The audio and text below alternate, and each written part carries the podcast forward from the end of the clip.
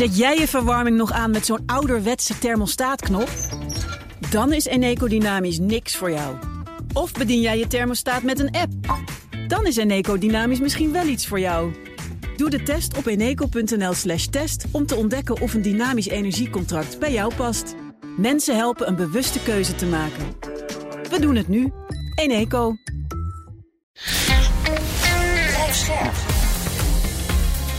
BNR Nieuwsradio. Boekenstein en de Wijk. Hugo Reitsma. Welkom bij Boekenstein en de Wijk. Het is maandag, dag 460 van de oorlog in Oekraïne. Een dag die voor veel mensen in de hoofdstad Kiev weer begon in de metro. Hè? Ja, zijn dus twee keer is er een aanval geweest. Eentje dus eh, heel vroeg vanmorgen. 40 kruisraketten, waarvan er 37 zijn neergehaald. En 35 Shahed-drones, waarvan er 29 zijn neergehaald. Dat was dus die aanval vannacht. En, en vanmorgen, aan het einde van de ochtend, zijn er elf uh, raketten geweest. Ik weet niet of het kruisraketten waren. En die zijn alle elf neergeschoten, wordt gezegd. En in het westen, bij het vliegveld Khmelnytsk, zijn vijf vliegtuigen kapot uh, geschoten. En daar heeft ja, de grote vraag is natuurlijk waarom dit allemaal gebeurt. Hè? En, uh, uh, ik, ik, heb, uh, net, ik kom net aan in Bratislava, jongens. Dus weer een eind van huis, uh, waar de zogenaamde Globsec-conferentie begint. dat is een conferentie met allemaal houten betoten uit Midden-Europa. Maar Macron die komt ook en von der Leyen die komt ook. Dus eens kijken wat die allemaal te zeggen hebben.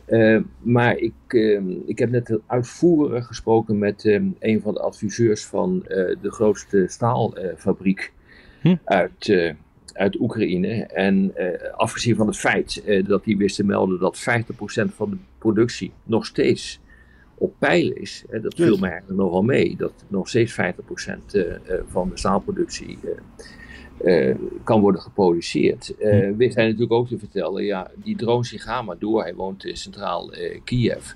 Die droneaanvallen die gaan maar door. Maar als het Shalet zijn, kan je gewoon op een app, app zien of die eraan zitten te komen. Dan gaan ze niet eens met de schuilkelders in. En als het grote raketten zijn, dan doen ze dat wel.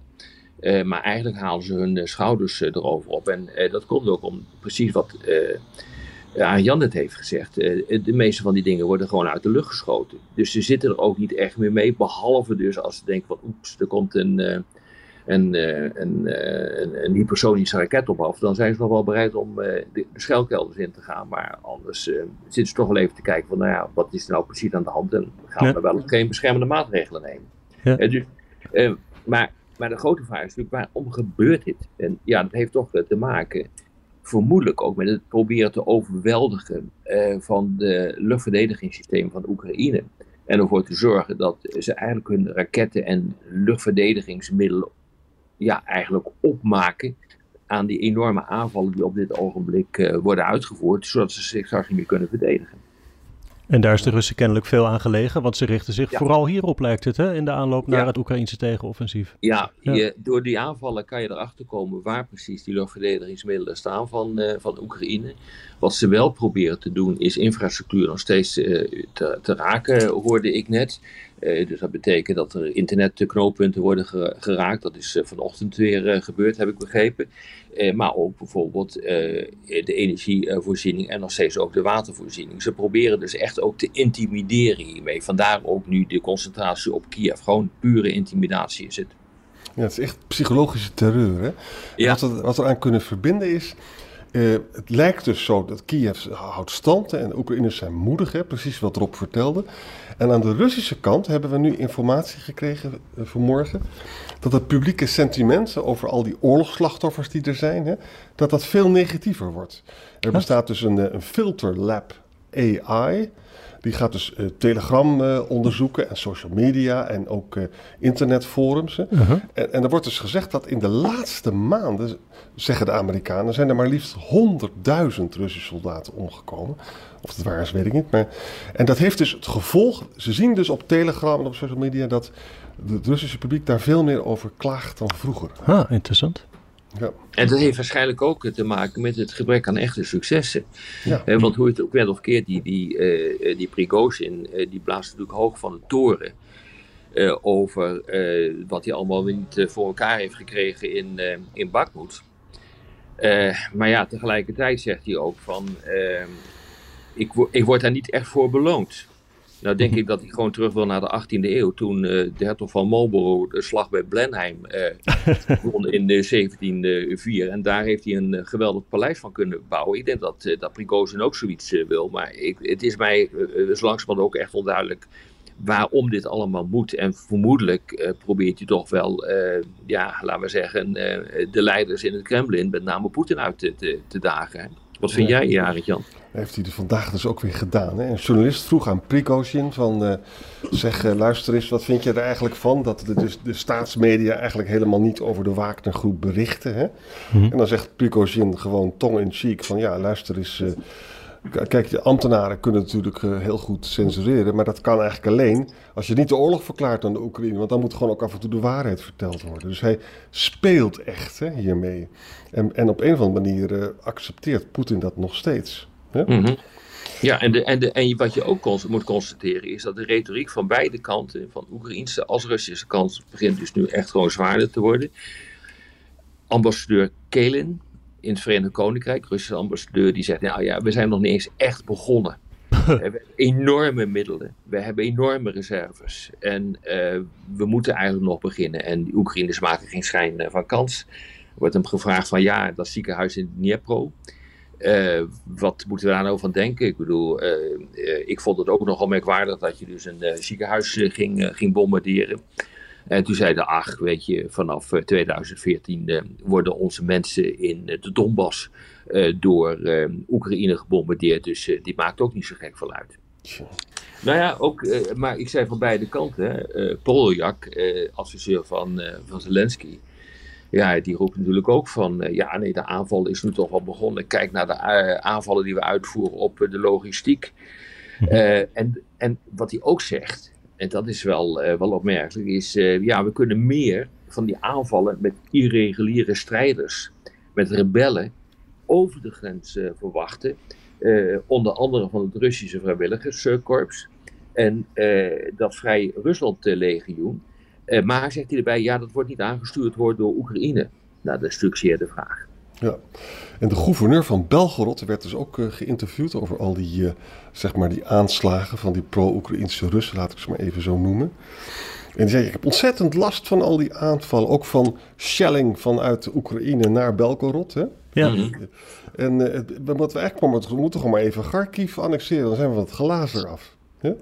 Maar het geeft dus wel aan hoezeer ze daar last van hebben. En dan, dat kunnen we ook koppelen aan een groot stuk in de New York Times. Dat Poetin die praat, die, die, die negeert gewoon die hele, zeg maar, die hele toestand in Belgorod. Praat er absoluut niet over. Hij zit een beetje medailles uit te delen. Praat met de aartsbisschop van uh, Kiev. Hè. en hij, kennelijk, hij, hij denkt gewoon, nou, tijd is aan mijn kant. Hij is een soort commander-in-chief in absentia, bij afwezigheid. En hij geloofde, ik kan gewoon de tegenstander uitputten. Ik zing het wel uit en dan gaat de westerse steun, uh, wordt dan misschien wel minder. Dat is een beetje te teneur. En dat zou misschien ook waar kunnen zijn, dat de tijd aan zijn kant is. Ik bedoel, als je bijvoorbeeld kijkt naar uh, alle angst over uh, dat de Republikeinen weer uh, het Witte Huis terugveroveren volgend jaar. Ja. ja. wat gebeurt er dan? En volgens mij, een onderzoek stond ook in de New York Times over dat dus de publieke steun voor hulp aan Oekraïne ook aardig was afgenomen in de afgelopen maanden ja, ja, ja. ja. En, we zien bij de Republikeinse uh, verkiezingen, of dat een pols, dat is uh, Trump. Ja, Trump is gewoon bij gebaat dat er ongelooflijk veel Republikeinse kandidaten zijn. De DeSantis is ontzettend gezakt. Hè? Hij is wel de sterkste van alle uitdagers.